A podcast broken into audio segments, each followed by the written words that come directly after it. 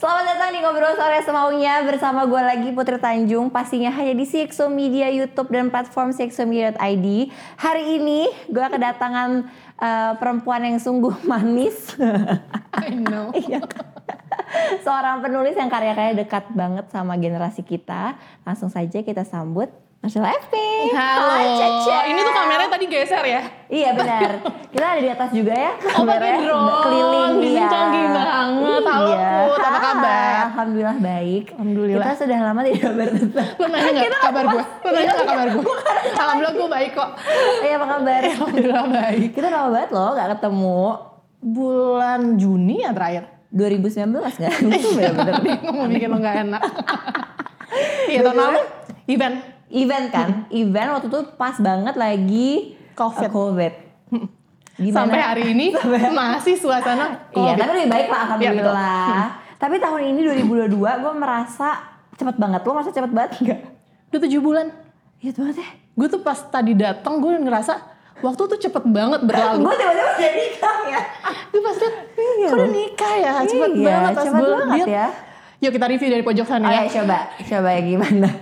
Durasi Iya, iya, durasi. ya nanti. Tapi gue merasa, gue tuh merasa gue tuh kenal lo lama banget walaupun jarang berkomunikasi ya. Karena gue tuh sama lo udah kerja bareng dari Creative Partner tahun 2018. Gue selalu tahu pertama emang Iya, tahun berapa yang eh, pertama 2014 kita baru kenal. Iya bener 2018. Iya. 2018 ya? Generasi 90-an. Dari generasi 90-an. Lo waktu COVID, pas lagi masa bukan lo yang COVID ya, situasi COVID ini. Gue tuh kayak Kok tahu? Kok tahu gitu? ya Perasaan lo gimana? jet lag put karena kan baru rilis film. Oh iya benar baru film ya? 2000 itu tuh beruntung banget film itu 2019 bulan Februari sampai Maret. Maret lockdown kan? Iya benar. Itu abis promo 2 tahun. Promo NKCTHI sambung kamu terlalu banyak bercanda. Terus sambung lagi film. Iya. Tiba-tiba off hidup kita. Iya benar. Itu jet lag sih. Gue lumayan kayak bingung, bingung, bingung. Dan semua yang lo rencanakan akhirnya lo harus berubah kan? Betul dan gue kayak gak punya rencana apa-apa. Oh gak ada salah apa? Gue kira lo udah Enggak, enggak, bener, bener, bener, bener. Iya, ada film dan lain-lainnya itu hold semua 2 Hold tahun. semua. Oke. Dan lo pasti juga lagi Iya event-event Nah kan? selama dua tahun itu lo apa? Ngapain? Do nothing. Oh my god. Enggak, tapi gue bikin buku. Lo bikin buku? Gue bikin buku satu tentang pandemi, terus juga gue... Itu kapan launchingnya? Belum? Udah dong. Oh, Oh, itu ya. bukunya buat bantu teman-teman kreatif waktu Oh, itu. oke. Gue bikin buku memang nggak dijual, cuma buat donasi. Oke. Itu buku pas pandemi. Karena Oke. stres gak sih lo? waktu itu Stres banget lah. Dan industri kreatif kan terdampaknya sangat luar Iya. biasa. Iya betul, karena nggak covid pun kita terdampak. Benar. Iya benar, tapi gue pas waktu itu, gue awal tiga bulan pertama gue nangis-nangis. Oh ya? Karena kayak bingung gitu, Iya kayak sih. Rutinitasnya yang tadinya cepat, benar. melambatnya dadakan kan. Iya. Dan situasinya lo juga nggak bisa expect apa-apa kan? Dan gue tuh sebenarnya suka, gue suka banget di rumah. Sebelumnya tuh sebelum ada promo-promo ini gue suka banget di rumah. Terus tiba-tiba balik ke situasi ini kan harusnya gue happy ya, tapi ternyata badan kita kan juga butuh Bener Adjustment adjustment, itu, Heeh. iya. Terus apa yang berubah dari cara pikir lo, cara lo berkarya pas pandemi sama sebelum pandemi apa? yang berubah banyak sih put gue kayak gue jadi sadar kalau ya memang ada rencana yang lebih besar dari rencana kita Iya sih. kayak manusia tuh kecil banget Iya. kita tuh kecil banget dikasih satu virus aja kita bisa semuanya berubah satu dunia loh bukan kita doang Bener. dan kayak iya sih sebenarnya nggak ada yang lebih besar dari kuasa semesta ini sih Tapi lo mendalam Semuanya dia gak jelas banget deh interviewnya. Tapi Cel, tapi gue Ya. waktu pandemi Gue sebenarnya banyak sih yang berubah Bukan dari pribadi gue doang Tapi cara gue bekerja Hmm. Lo banyak gak yang berubah dari cara lo bekerja? Dalam arti kayak lo mencari inspirasi mungkin jadinya dengan perspektif yang berbeda Atau mungkin jadi karena lo lebih bersyukur Jadinya karya-karya lo lebih lebih gimana? Ada gak sih yang kayak gitu-gitu Cel? yang berubah adalah gue nggak bikin karya ya pertama karena lo udah Karena benar-benar sebelumnya gue shock ya? cepet banget, semuanya cepet. Karya pertama sama kedua tuh jaraknya 6 bulan. Iya eh dari NKCTI ke KTBB semuanya cepet. Terus akhirnya gue merasa oh ini waktu yang tepat untuk gue pause. Hmm. Untuk gue pause. Ternyata baru sadar dari 2008 sampai 2019 Lo nggak non-stop. stop ya? Non-stop. Oh, by the way nggak nggak stop itu emang lo merencanakan Suka untuk tidak bekerja. stop. Oke. Suka bercerita. Iya pada umur 20-an Oh iya, lo pasti Uh, lagi uh, berapi-api iya, iya, semua mau berapi-api. dilakukan. Bener. Mau dibuktikan. Apa yang ada kesempatan itu mau diambil. Dan pada waktu itu gue kayak benar-benar udah sampai yang bisa bikin gue break tuh cuma pandemi sama sakit.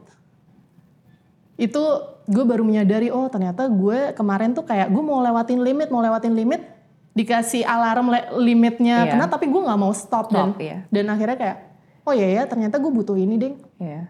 Gue butuh nggak bikin apa-apa. Tapi lo bener-bener waktu awal lo mulai, lo Hmm. emang udah kayak gitu. Emang lo berambisi untuk lo tidak stop.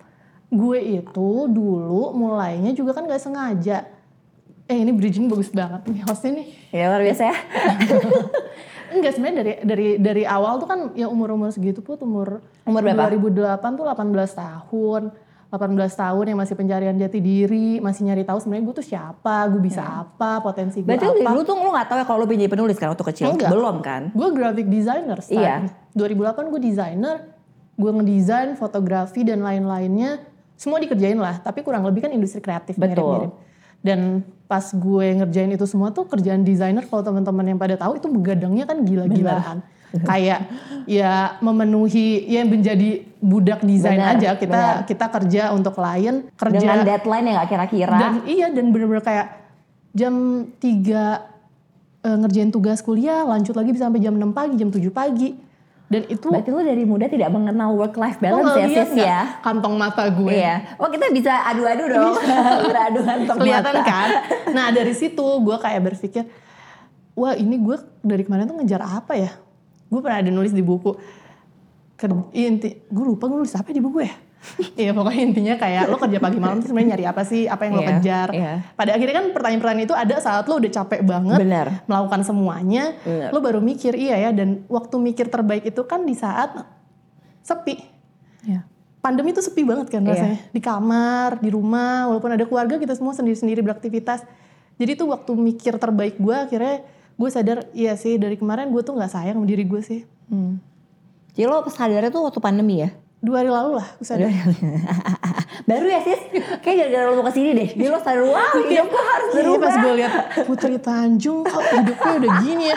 Gue jadi sadar gue gue gak mau jadi Putri Tanjung. Iya, bener. Kok kerjanya keras banget gitu. Gue akhirnya berpikir.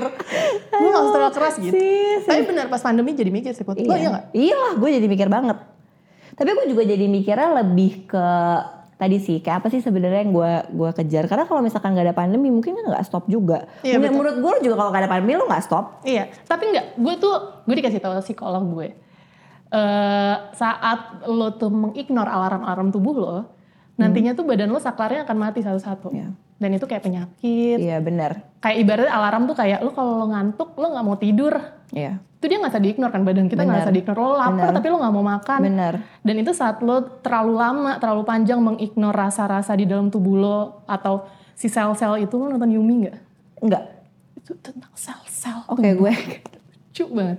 Oke, Ih, gua sorry akan ya, menonton. Korea banget. Gua akan menonton. Iya, Terus? Ya itu, di sel-sel tubuh kita saat kita ignore terlalu lama, ternyata ada sel-sel karonya mati. Oke. Dan pada pandemi, saklar itu mati beberapa di gue. Hmm. Beberapa penyakit itu muncul. Jadi dari situ gue kayak, oh gue jahat banget sama diri gue. gitu. Iya. Lo mengignore apa yang udah alarm badan lo sendiri ya. Dan kayaknya ada nggak ada pandemi pada waktu itu, akhirnya gue harusnya berhenti. Kalau tadi kita ngomonginnya lebih ke fisik. Kalau Hmm. ke mental lo, lo sadar nggak dengan lo nge-push diri lo Hmm. yang berlebihan, lo nonstop, ap- apa yang terjadi sama mental lo? Oh gimana? Ah, gue kita kayak serius banget tiba-tiba ngomongnya. Karena karena ini ya yang gue sadarin ya, saat gue nonstop Hmm. bekerja, gue nggak sadar apa yang gue rasain secara mental. Ya. Karena akhirnya gue enam dengan sama apa yang ke gue kerjain karena gue tuh oke gue tiga menit lagi gue meeting ini jadi gue gak gue ignorance lah sama Iya. semua yang ada di badan gue pas pandemi kan gue diem maksudnya gue nggak banyak Hmm. bergerak gitu ya nggak banyak aktivitas nah itulah gue akhirnya di situ gue Berpikir. berpikir dan semua ternyata gue mungkin secara mental nggak terlalu sehat gue baru sadar saat pandemi gitu Tapi Kalau gimana? Iya bener. Karena gue tuh mengibaratkannya kemarin tuh kan kita lari ya. bener Lari, saat lo lari apa sih yang kelihatan put? iya Apa?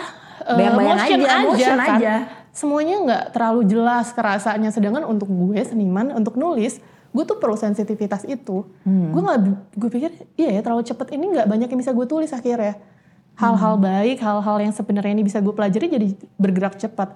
Pandemi ini kan jadi bikin kita, iya ya, yang harusnya nggak kedengeran jadi kedengeran di kita ya. Benar. Yang harusnya nggak kelihatan, oh ternyata nih ada bunga di sini yang udah tumbuh selama 2 tahun, gue nggak nyadar ya. Iya. Ada sesuatu yang sensitivitas yang terasah lah. Benar. Dan kalau untuk mental gue sendiri, kena put. Sederhananya kena. Kena ya. Tapi gue tuh ternyata ini sudah terjadi lama. Tapi yang paling fatal adalah di saat kan katanya kalau bad eh, lagi-lagi kata terapis gue kalau eh, cadangan energi kita sudah habis, mereka akan gerogotin organ. Hmm. Mereka akan cari energi ke organ. Nah, mentalnya mungkin bisa gue ignore. Oh ya udah kesedihannya biasa. Iya. Kemarinnya biasa. Tapi secara Tapi secara Fisik fisiknya nggak bisa. udah kena. Dari di Iya. situ gue ngerasa, oh dari kemarin gue bermasalah ya. Hmm. Itu sakit dong. Banyak sakit-sakitan dong. Ini put, Hati ya. Kosong ya. iya sakit. Gue baru tau gue autoimun, gue baru tau Oh God. tangan gue tuh Lu baru tahu. dua tahun lalu gue baru tau. Oh tangan gue tremor. Gue kira selama ini gue nervous, ternyata gue hyperthyroid. Dan beberapa hal-hal yang kayak, oh ini semua gue ngasih beban ke diri gue yang ternyata udah ada porsinya kok. Saat udah ngelewatin limitnya, badan kita juga ngasih alarm itu. Dan ya udah dua tahun ini gue pause beneran pause. Iya. Gue bahkan di sosial media gue nggak aktif. Iya. Ada sesekali kalau ada pekerjaan gitu, gue Iya. butuh duit juga. Iya, bener. Tapi banyaknya gue ke dalam aja sekarang. Oh iya ya selama ini gue people pleaser banget ya. Berusaha untuk Capek ya itu. Hmm, tanpa kita sadar kan, kita Iya. kira ini ambisi kita. Tapi kan Bener. akhirnya bias, ini ambisi orang lain apa ambisi kita ya? Benar-benar. Terkuras lah energi. Mm-mm, kita bikin karya, satu disukain orang. Bikin lagi dong kak yang ini. Tanpa sadar itu masuk. Beban ya. Dan bikin jadi kayak, iya ya gue harus bikin lebih baik lagi. Iya, iya. Sebenarnya kalau ditanya lagi, pengen bikin lebih baik lagi untuk diri lo atau untuk Iya. siapa? Dan itu itu pertanyaan itu kan baru ada saat ditampar dulu, Benar. dikasih tahu apa apa after effect dari eh, lo mengabuse diri lo, Iya. gue khususnya. Jadi ya pas gue tahu itu semua, oh iya sih nggak bisa nih kayaknya.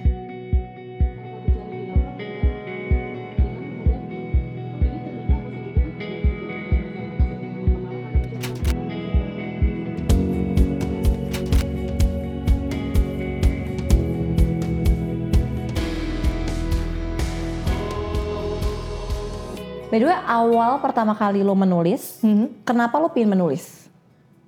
Awal pertama kali menulis, Kenapa lo pengen jadi penulis? hmm, gue sebenarnya nggak merasa diri gue penulis ya, karena Oke. buku gue tulisannya nggak banyak. Iya. Lihat gambar ya. Jadi gue agak malu sebut menulis, tapi eh, gue memang suka nulis dari kecil. Oke. Karena pemikir, Oke. orang-orang pemikir dan tidak bisa bercerita, satu-satu platformnya kan berkarya. Iya.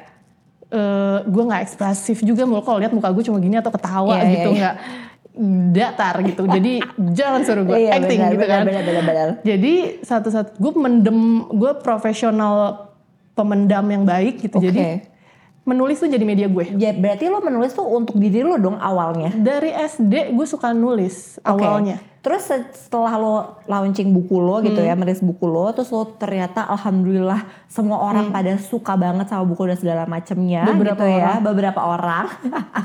terus itu takutnya jadi, pas orang nonton semua gue gue nggak sih? Oh iya nggak? Enggak. maksud gue jadi heboh gitu Ya, ya. alhamdulillahnya. Alhamdulillah jadi heboh. Berubah nggak akhirnya? Maksudnya reason lo untuk menulis. Kan awalnya reason lo untuk menulis adalah untuk diri lo kan. Ya. Nah saat kayak gitu akhirnya? Berubah lah pasti kayak oh sesuatu yang gue awalnya eh gue nggak berharap semua orang banyak orang bisa terima karya gue. Karena itu startnya buku grafik kan bu. Iya. buku grafik yang gue pingin tadinya gue pingin teman-teman desainer bisa ngebuat karya yang bisa diterima banyak orang lewat visual tulisan tuh salah satu bonus aja Iya. oke gue kayaknya bisa deh nulis-nulis singkat dan ternyata diterima kayak apa pun mediumnya nggak cuma tulisan ada dampak kecil Iya. aja Iya. itu rasanya kan Luar besar biasa, untuk gue. betul. Jadi apalagi tulisan, ternyata buku itu kan medium berbeda. Gue Iya. biasa bikin event, bikin campaign orang Iya. dan lain-lainnya. Pasti buku personal banget ya. Hmm. Kisah gue yang tadinya gue lihat di perspektif gue pas jadi dibaca orang lain perspektifnya jadi banyak maknanya jadi banyak banget Benar, Di benar. satu kalimat aja jadi untuk beberapa orang artinya berbagai Beda. macam Bener. dari situ gue ngerasa iya ya pada akhirnya apa sih se- gua- ada teman gue pernah bilang setidaknya satu persen aja kita membantu atau mengubah hidup orang ke arah lebih baik harusnya hidup kita udah bermanfaat sih Iya. dan gue ngerasa memang bukan impact yang besar gitu yang gue lakukan gitu bukan se Indonesia tapi sedikit banyak satu dua kalimat bisa mengubah hari orang itu kayaknya itu baik buat gue Oke. Tapi jadi waktu saat lo launching buku itu, waktu lo merilis, maksudnya buku pertama lo itu, lo berarti nggak ada kepikiran sama sekali akan menjadi sesuatu yang apa yang terjadi gitu ya? Ngerti gak sih? gue? pertama? Buku pertama. Gue cuma Eh, baca buku pikiran. Gue, coba itu coba dong baca buku. Iya, buku yang pertama. 90, yang, sembilan- yang generasi 90-an Iya. itu kan tugas akhir kuliah itu tugas akhir kuliah gue 2000 2011 gue lagi sedih banget. Terus ah sedih ngapain ya daripada nangis terus? Gue tulis aja. Hmm.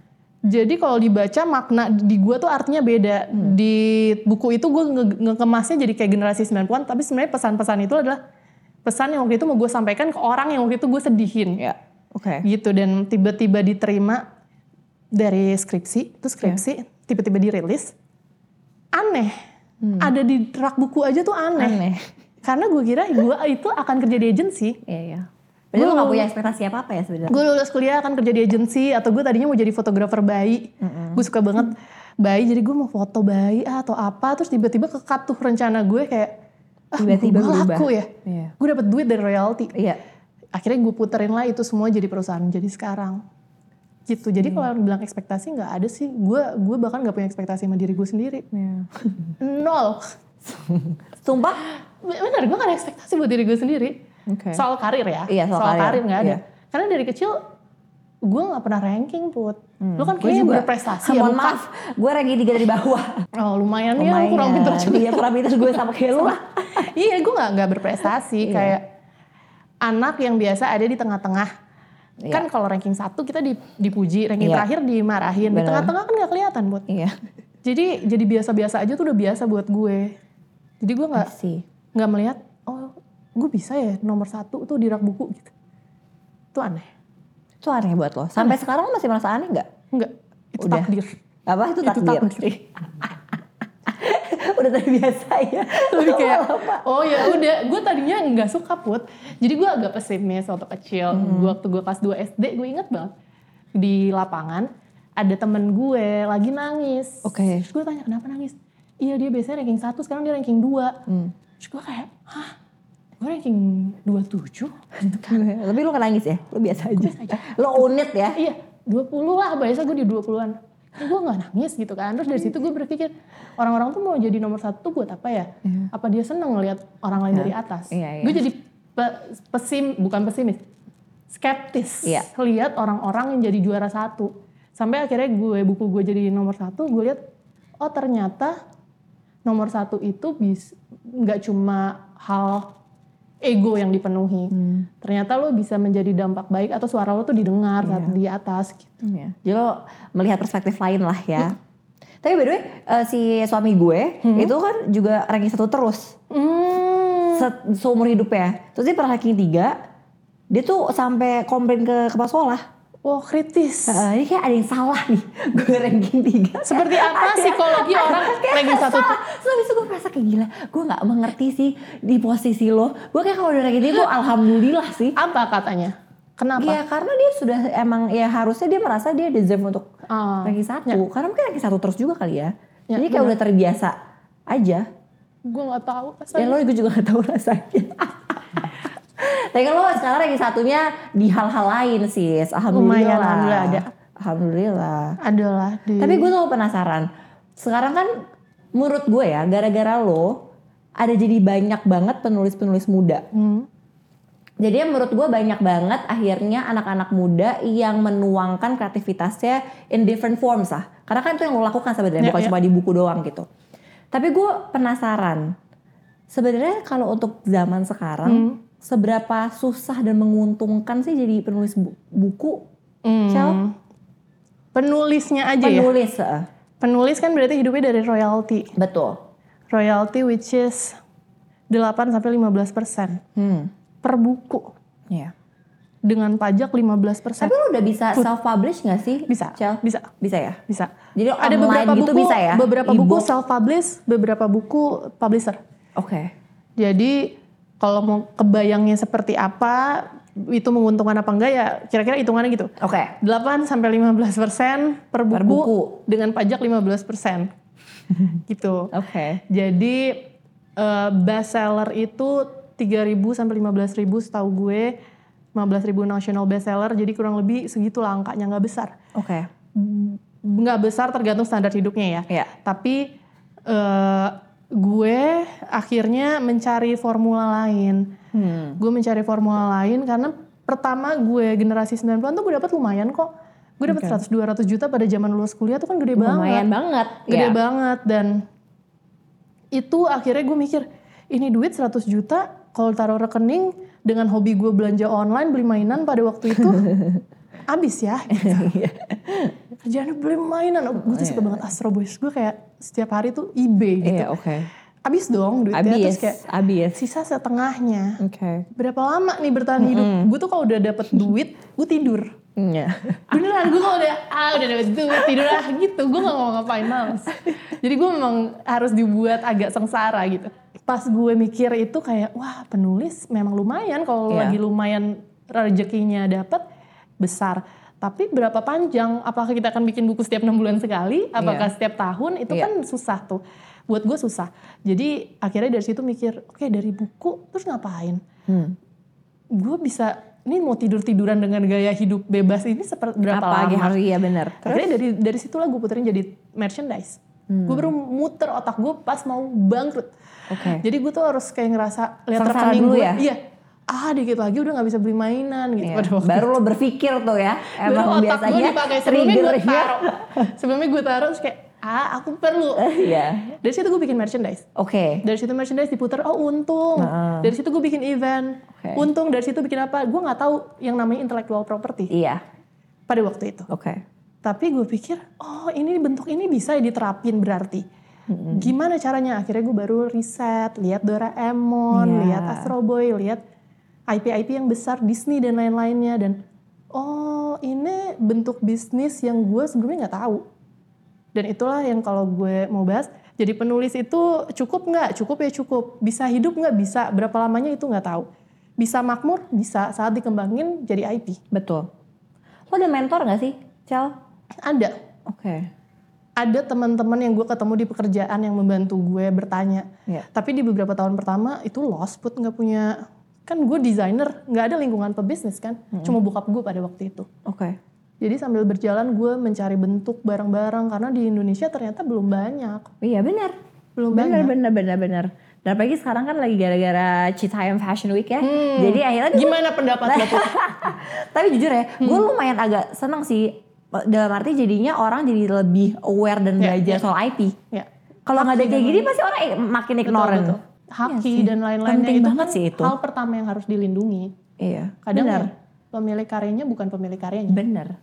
Yang itu akhirnya gue pelajari di perjalanannya Put. Iya. Dan untungnya bokap gue tuh dulu orang brand, orang merek. Jadi sebelum Bisa bantuin lo ya. iya sebelum buku rilis dia selalu bilang patenin, Patenin, patenin, dulu. patenin. Walaupun Itu gue penting banget sih. paten itu apa dulu. Iya itu penting banget sih. Tapi ya gue coba, ini mahal kan saat maksudnya untuk gue tuh cukup mahal daftarin setiap kelas akhirnya ya udahlah nyicil nyicil ternyata pas 10 tahun kemudian oh ini tuh maksudnya ya, Iya. ini tuh berguna ya gitu. Iya. Sekarang bisa pinjeman put, Benar. coba mau beli apa kita mau pinjam. kita gade tuh karya.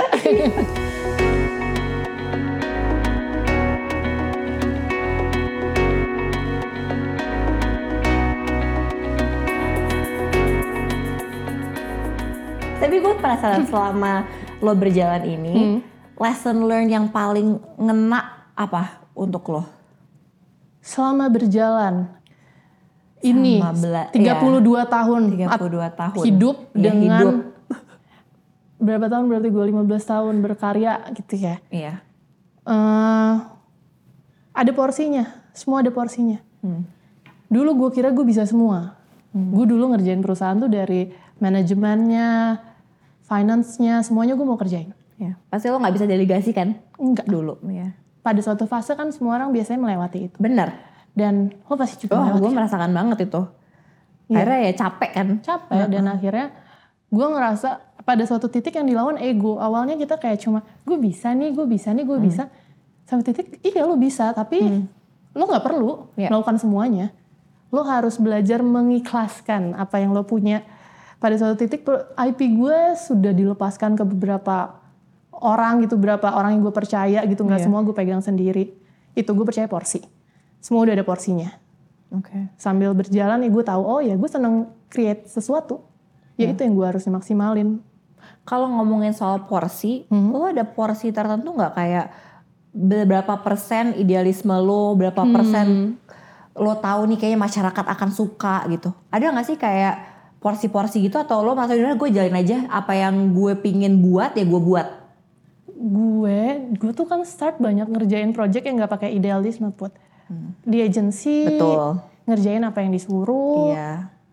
ya gue butuh duit gue harus kerja ya sudah gue kerja tapi sambil berjalan ternyata banyak karya yang diterima dari gue itu karya yang memang gue buat jujur Oke. dan akhirnya oh ya gue tahu formulanya kayaknya gue nggak bisa buat-buat gue nggak bisa Iya. pakai pattern perusahaan besar yang udah established bisa gue terapin ke diri gue enggak Iya. beda hal jadi itu paling porsi itu gue pakai untuk brand yang akan kerja sama sama kita Oke. tapi gue nggak pakai di pola diri gue karena ya pada akhirnya itu modelnya idealisme modelnya seniman juga cuma relevansi itu juga harus kita sadarin Betul. nggak sepenuhnya kadang ego kan itu kayak ngerasa Iya. kita yang paling betul kita Iya. yang paling tahu diri kita akhirnya berkarya seperti apa itu adjustment aja sih sambil berjalan tapi kalau brand gue iya Berarti lo melakukan riset dong untuk semua buku lo. Iya minimal 2 tahun setiap karya Wow, lama juga ya. Hmm. Sian ya Lama banget tuh itu. lama Prosesnya prosesnya dong, Cel.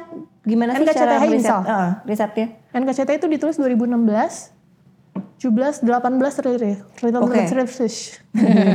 Ngerti banget tuh gue. Iya. Bahasa The Sims. Rilis 2018. Gue eh, karya ini gue kasih teaser-teasernya sedikit-sedikit. Oke. Sederhananya gini ya. Kayak gue post 20 postingan, postingan mana yang paling tinggi likes-nya gitu. Itu semua 10 postingan itu tentang gue. Maksudnya secara personal gue bikin karya itu jujur. Oke. Tapi ternyata tema hubungan digantungin tuh lebih rame ya. Oh, Oke. Nah itu itunya kan bisa gue pilah. Oh Iya. ternyata ini porsinya lebih gede, ini Iya. enggak. Iya. Itu riset itu. Oh ternyata kata bapak di lo sama gue artinya beda. Beda. Pas gue Oke. sebar ke orang lain artinya lebih luas lagi ya. Oke. Misalkan bapak untuk kita pahlawan, untuk orang lain dia perusak hidup gue misalkan atau apa hal Iya, itu. iya. Dari situ gue coba tabulasi. Berarti lo sangat menggunakan sosial media ya dong untuk melakukan riset ini? Iya. Semuanya besarnya di sosial Sosial media. Tapi lo pressure nggak karena sosial media lo menjadi wadah Hmm. cerita orang dan wadah orang apa ya mengekspresikan emosinya? Pressure put NKCTHI itu kan dua tahun jadi tempat curhat lah Iya, betul. sederhananya. Makanya. Gue awalnya nangis, nangis, nangis terus sampai gue denger cerita sedih gitu gue nggak ada rasa apa-apa. Gue cuma ya udah sedih semua orang juga sedih gitu. Kayak ya udah gue juga sedih, lo juga sedih. Ya udah lo pilih aja lo mau sedih di bagian mana di hidup lo gitu kan. Akhirnya kayak gue lihat, dia kan pada Iya, akhirnya iya, iya. lo mau pilih berkorban di hidup apa? Ibaratnya Iya. lo mau mau milih jodoh, lo milih ini orang kurangnya A, ini kurangnya B, lo mau berkorbannya di bagian mananya kan? Betul. Ya itu akhirnya yang terjadi gue lihat eh, generalisasi itu dan ternyata cukup berbahaya buat gue. Iya. Karena gue yang harusnya sensitif, Jadi enam ya? jadinya Oh, jadi lo selama baca yang sedih-sedih dan cerita yang pastinya gue yakin pasti juga aneh-aneh dan banget. unik-unik banget. Lo nggak ngerasakan apa-apa? awalnya gue merasakan kesedihan itu lama-lama gue drain. Gue kayak Menarik banget.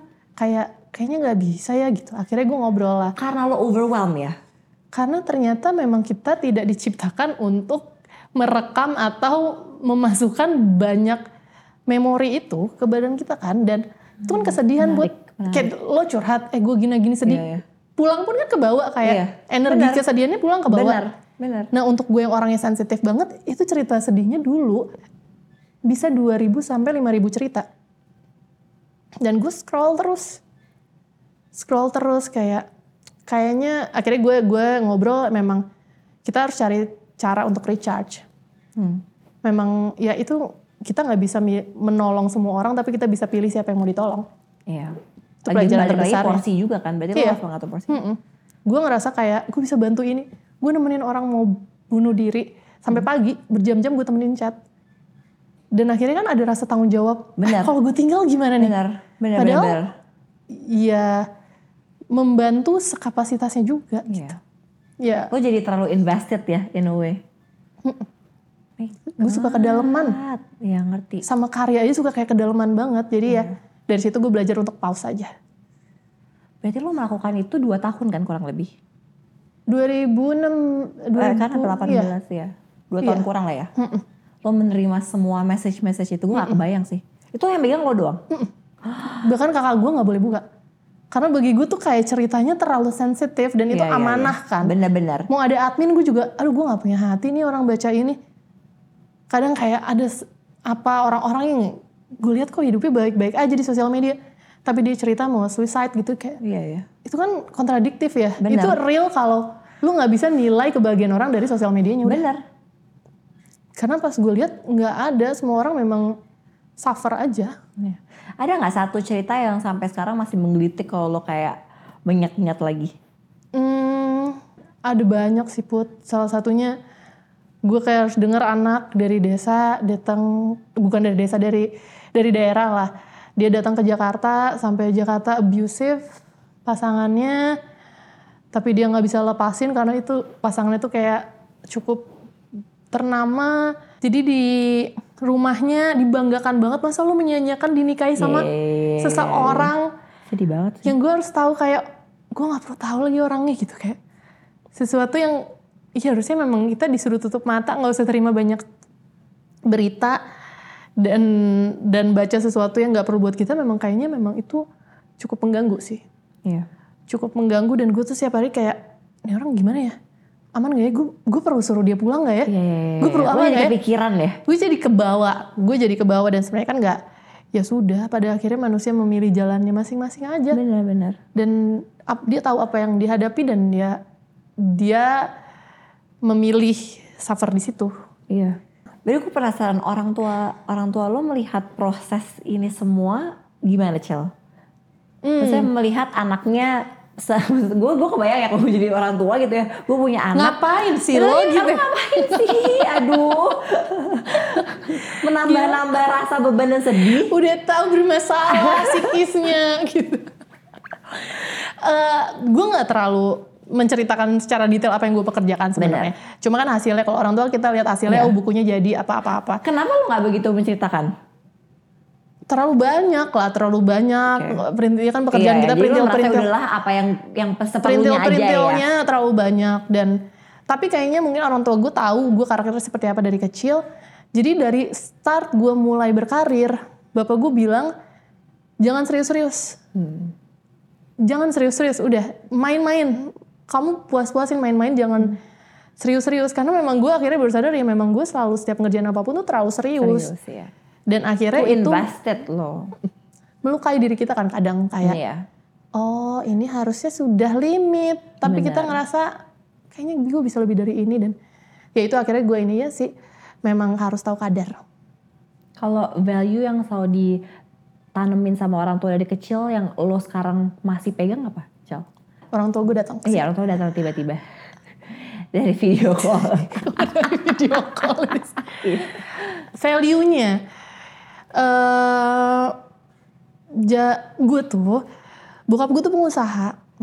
Nyokap gue tuh di rumah suka menyulam suka menjahit. Oke. kakak gue yang perempuan itu penulis. Dulu dia suka nulis gue suka ngambil tulisannya. Oh, oke. diem-diem gue ambil gue baca. Abang gue tuh suka gambar jadi gue suka ke kamar mereka masing-masing gue kumpulin gue lihat ih mereka jago gambar bisa jago ini. Jadi kayaknya yang gue lihat dari mereka pertama perempuan harus punya soft skill kalau gue lihat dari ibu gue. Kalau gue lihat dari bokap gue harus bisa setidaknya menghidupkan dirinya sendiri berdiri di kakinya. Dan kayaknya dari mereka berempat gue lihat ya harus bermanfaat lah. Iya. karena se- ya kalau buat diri kita sendiri seberapa sih kita perlunya Put? Ya sebaik-baiknya manusia adalah manusia yang bisa berbuat baik untuk banyak orang kan. Tapi ini apa namanya caption. Ya. Tapi kalau misalkan lo sendiri, Cel, Value apa yang lo pegang untuk lo berkarya? Kayak apa satu pegangan lo yang setiap karya lo lo implementasikan? eh untuk berkarya klise. Satu ya itu gue cuma bisa yang kita punya sebagai seniman cuma kejujuran sama sensitivitas Oke. itu yang selalu gue terapkan utama kedua eh, jangan penuhin ego sendiri Ya. kadang itu agak susah ya kadang-kadang itu ya. sulit karena antara kita ngerasa masih mampu sama ngerasa Iya. ini harusnya sudah bisa didelegasikan itu kan kadang tipis-tipis. Iya. Jadi stop memberi makan ego sendiri pada suatu titik memang sudah harus dikerjakan lebih banyak orang gitu. Itu gue selalu melakukan, akhirnya belajar melakukannya walaupun masih berat-berat enggak. Semua Dan butuh proses aja, Cel, ya. Iya, iya betul dan ya itu eh, ya itu kesannya yang terakhirnya tuh bagus banget padahal Iya, gue iya, kosong. yang iya yang gue selalu terapin itu sih put Iya. kayak jangan Tapi lu kan sampai ada titik sekarang Hmm. bisa menyadari ini semua itu kan karena proses yang panjang yang lu sudah jalanin kan, Cel? lumayan Iya. masih panjang lah Masih prosesnya. panjang, iya. Di usia 32 tahun ini masih bisa lah gue nulis. Gue tuh kebayang gue menuanya nanti nulis. Karena itu kan kayak bukan kayak gue nggak perlu lari maraton Iya, iya, ya. iya. Jadi Nulis kayak buat lo gitu ya. nulis buku anak. Jadi gue kebayang suatu hari ini tuh profesi yang gue bisa lakukan jangka panjang. Oke. Tadi pertanyaannya apa ya? Tapi Eh, value sih nggak apa-apa Beb. Bagus nih bridging ke yang selanjutnya gue mau tanyain ke lo. gue udah baca soalnya. Oh, iya. List pertanyaannya selanjutnya gue gak mau ngerepotin loh. Jadi gue langsung jawab.